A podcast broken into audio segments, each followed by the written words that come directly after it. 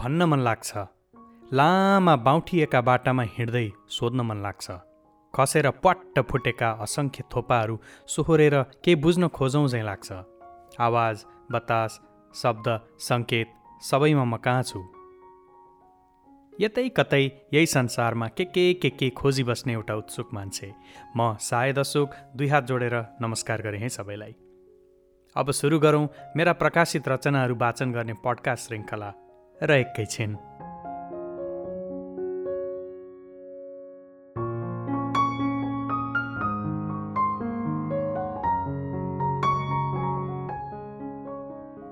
एक्लो हुनु भनेको के हो? एक्लिन खोज्नु भनेको के हो?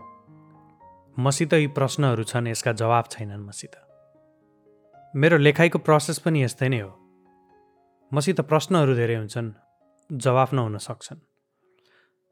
यसरी भनौँ न मैले लेख्ने भनेको जवाफ खोज्नलाई हो अथवा प्रश्न सोध्न मन लागेर हो।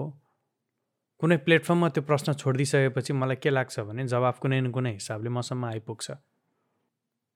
ती जवाफ कसरी आइपुग्छन् त्यसको अर्कै कथा हुन सक्ला। तर कति प्रश्नहरू सोधियो कति प्रश्नहरू छोडिन्छ कति प्लेटफर्ममा। एक्लिनुको बारेमा जति पनि प्रश्नहरू मेरो मनमा उब्जिन्थे अथवा एक्लो हुनु त्यसका बारेमा जति पनि प्रश्नहरू उब्जिन्थे ती प्रश्नहरू मैले अरूलाई भन्दा बढी आफैलाई सोधेँ। मैले देखेँ अनेक थोक देखेँ। एक्लिन खोज्ने मान्छेहरू पनि देखेँ। उनीहरूले एक्लिन खोज्नुका पछाडि धेरै कारणहरू दिइरहेका हुन्थे। ती कारणहरू हामी धेरैचोटि नदेखिदिन सक्थ्यौँ। तर मलाई इन्ट्रेस्टिङ लाग्थ्यो। म आफै पनि धेरैचोटि एक्लिन खोज्थेँ। कोही बेला पाउँथिनँ कोही बेला पाउँदा पाउँदै पनि फेरि एक्लो हुनुले अर्को खाले डर निम्ताइदिन्थ्यो।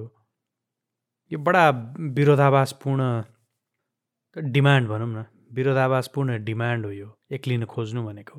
तर यो कुनै नाजायज डिमान्ड चाहिँ पक्कै पनि होइन।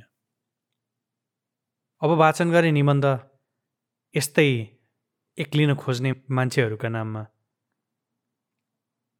उनीहरूलाई सम्झिन मन लाग्यो। यसरी भनौँ न म आफैलाई एकचोटि फेरि सम्झिन मन लाग्यो। निबन्धको शीर्षक एक्लिन खोज्नेहरूका नाममा।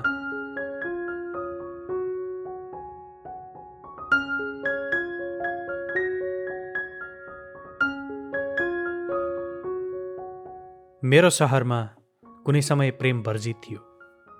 त्यहीँ निधाउन खोज्नेहरूका विरुद्ध अनेक हल्लाहरू पनि जगेडा थिए। घरमाथिको दोबाटोमा पुगेर जब केही हल्लाहरू बाँडिन्थे म इयरफोनको आवाज बिस्तारै घटाउँथेँ। अँध्यारो आकाशका पिलिक पिलिक ताराहरूसँगै किशोर कुमारको आवाज नाचिरहेको हुन्थ्यो। प्रेमका संवादहरू मध्यरातपछि अलि चर्का भएका हुन्थे। फेरि अचानक कहीँ रहलपहल हल्लाहरू वरपरका घरहरूमा ठोकिएर मेरै अगाडि आइपुगेर गिज्याझै लाग्थ्यो। मैले बाबा भन्दा भनेको सुनिरहन मन हुन्थ्यो। मैले बाबा भन्दा भनेको सुनिरहन मन हुन्थ्यो। नसुन्न खोजेका केही हल्ला अनि नहुन चाहेको एउटा अस्तित्वले मलाई कतै पर जान झकझक्याइरहन्थ्यो अहिले यत्तिखेरै लेख्न मन लाग्यो एउटा चिठी एक्लिन खोज्नेहरूका नाममा।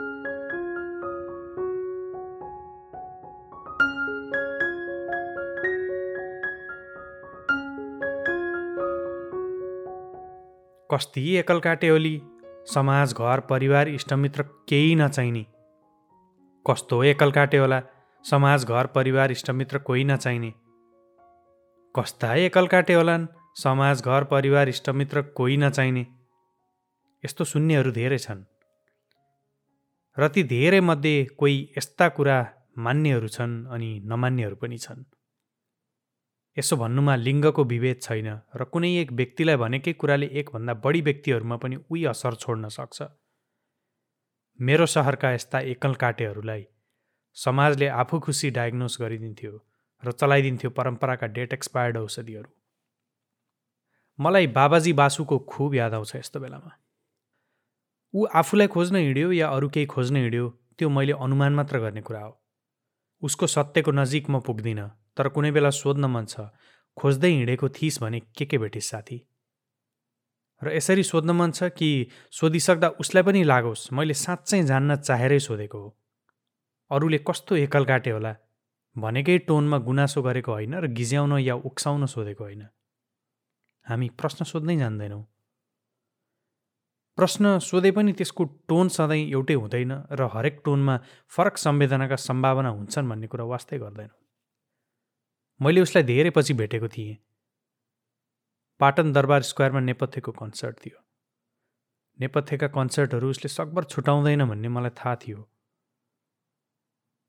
केही वर्ष पहिला जोरपाटीमा कन्सर्ट हुँदा हामी गएकै थियौँ तर ऊ पहिला जस्तो अल्लारे थिएन। केही खोजी गर्ने मान्छेको अनुहारमा हुने जस्तै उज्यालो थियो उसको अनुहारमा। त्यतिखेर मलाई एउटै कुरा लागेको थियो। मेरो साथी पहिला जस्तो अनौपचारिक रहेन। म समुनाजीसँगै थिएँ उसलाई पाटनमा भेट्दा। पहिलाको ऊ हुन्थ्यो भने ऊ आफैले हाँसी हाँसी हामीलाई सोध्थ्यो होला। टन्नै भइसक्यो तिमीहरूको लप परेको। हामीले केही भन्नु अगाडि नै अघिभन्दा अलि बढी हाँसेर अर्को प्रश्न फालिदिन्थ्यो होला। बाबुराम सरलाई थाहा छ त? तर त्यसो भएन। ऊ र म स्कुल पढ्दा बा हाम्रो प्रिन्सिपल हुनुहुन्थ्यो। अमेरिकाबाट फर्किनु अघि उसले मलाई भनेको थियो मलाई बाबुराम सरसँग कुरा गर्नु मन छ। मेरो दाईको जेठान भनेर पनि होइन मेरो साथीको ड्याड भनेर पनि होइन मेरो प्रिन्सिपल सर भनेर कुरा गर्नु मन छ। मलाई उहाँको नम्बर दे। इन्जिनियरिङबाट अध्यात्ममा उसको सिफ्टिङ कसरी भयो त्यो मलाई अझै पनि राम्ररी थाहा छैन। बिचमा कुनै बेला मैले सोध्न पनि खोजिनँ। मैले उसलाई सधैँ अरूले गरेको जजमेन्टको माध्यमबाट हेरेको थिएँ। त्यो एउटा कारण हो र अर्को कारण मेरो आफ्नो ज्ञानको सीमितता पनि हो।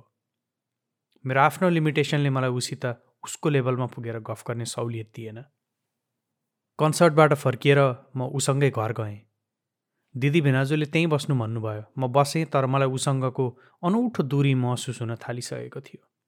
पहिला जस्तो जे पनि गफ गर्ने कुरा थिएन। न चेस खेल्यौँ। चेस खेल्न थालेको भए म हार्थेँ अनि भिनाजुलाई भने जस्तै भनिदिन्थेँ। मेरो बुद्धि त छ तर चेस खेल्दा बुद्धि लाउनु मन लाग्दैन के? हाँसो ठट्टा चल्दाखेरि उसले अलि बौद्धिक स्तरको कुरा गरौँ न भन्थ्यो। त्यो दिन एउटा बिन्दुमा पुगेर केही मौन र केही असमञ्जसहरू हराए। अनि उसले साँच्चैको बौद्धिक कुरा गर्यो। कुनै बेला तँ तेरो फिल्डको टपमा पुग म मेरो फिल्डको टपमा पुग्छु अनि त्यति बेला गफ गर्न मजा आउँछ। टपको भ्रम या टपमा पुग्ने भन्ने भ्रम आज ममा छैन। मैले अचेल त्यसरी सामान्यकरण गर्न छोडेको छु। कहीँ पुगेँ होला कहीँ पुगिनँ होला तर अहिले यतिखेर जे छु यही हुनुमै एउटा आग्रह यसरी आइदियो। ल गरौँ एउटा लामो संवाद।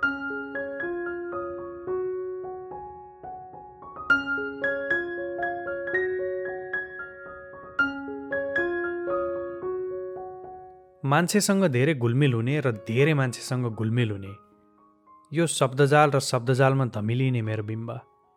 कोही बेला फेरि कति पनि कम्युनिकेट नै नगरौँ जस्तो कति पनि इन्ट्रेक्ट नै नगरौँ जस्तो हुन्छ। कुरा गर्दा गर्दै कुन बेला कोही मान्छे अलिक बढी पर्सनल भइदिन्छ। एउटा रेखा कोरिराख्न मन लाग्छ र भर्बल्ली नन भर्बल्ली सङ्केत छोडिदिइराख्न मन लाग्छ। रेखा कटेर यता नआउनु। किन ten ways to know the toxic people around you and get rid of them भन्ने पपुलिस्ट आर्टिकलहरूको आधारमा मान्छेले आफ्नो जिन्दगीका ससाना चोरबाटाहरू बनाउँदै फुत्किँदै गर्छन् भिडदेखि। ह्युमन इन्टरेक्सन भनेको एउटा डबल बाइन्ड अवस्था हो जसलाई जसरी अर्थ्याए पनि हुन्छ। यो टर्म स्किजोफ्रेनियाका पेसेन्टहरूको अध्ययनको सन्दर्भमा प्रयोग भएको देखेको थिएँ मैले एउटा एकाडेमिक पेपरमा।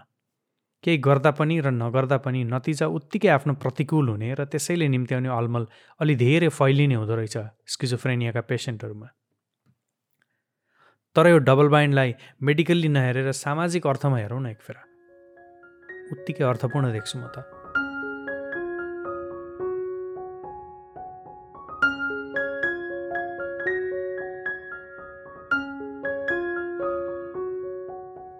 हरेक व्यक्तिको आफ्नो प्राइभेट स्पेस हुन्छ भन्ने कुरा सबैले नबुझ्ने रहेछन्।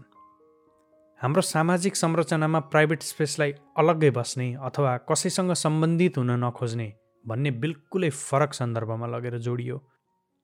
पढिराख्नु भएको रहेछ। म त यतिखेर व्यस्त हुनुहुन्छ कि जस्तो लागेको थियो।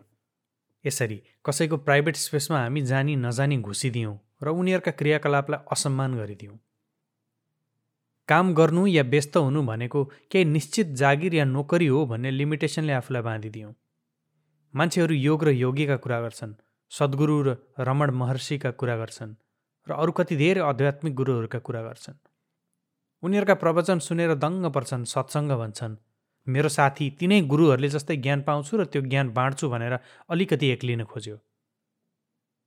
सही गर्यो गलत गर्यो त्यसको लेखाजोखा गरेर अन्त्यहीन बहसमा अल्मलिनु छैन मलाई तर उसले एउटा दृश्य दियो।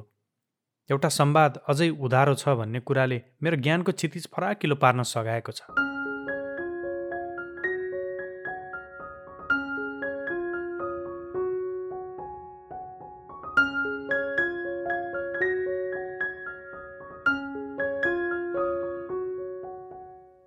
यो सबै लेख्दै गर्दा फेसबुकमा उसलाई दुई तिनपल्ट झुल्किएको देखेको छु। उसको अनुहारमा महत्त्वाकाङ्क्षा र लहड होइन दृढता देखेको छु आज पनि। अचेल किशोर कुमारको गीत सुनेर आकाशका पिलिक पिलिक ताराहरू हेर्दिनँ। हल्लाहरू त अझै पनि छन् तर ती पहिला जस्तो अदृश्य छैनन्। सेप्टेम्बरका अँध्यारा बिहानहरूमा रेलको आवाजसँगै दौडिने हावा अनि हावाको बेगमा ताल मिलाएर दौडिने पहेँला पातहरू। गुलाबको एउटा पत्र पिपलको हरियो पात र प्रेमिल बनाइदिने म्यापल लिफ। यस्तो कोलाजमा म धेरैजना एकलकाटेहरूको संयुक्त तस्बिर देख्थेँ। यो संसारमा भिडभित्रै एक्लो हुनु खोज्नेहरू छन्। जोडिने चाहना सबैभन्दा धेरै तिनैलाई छ।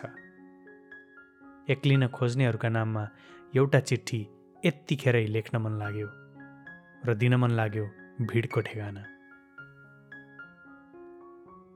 धन्यवाद।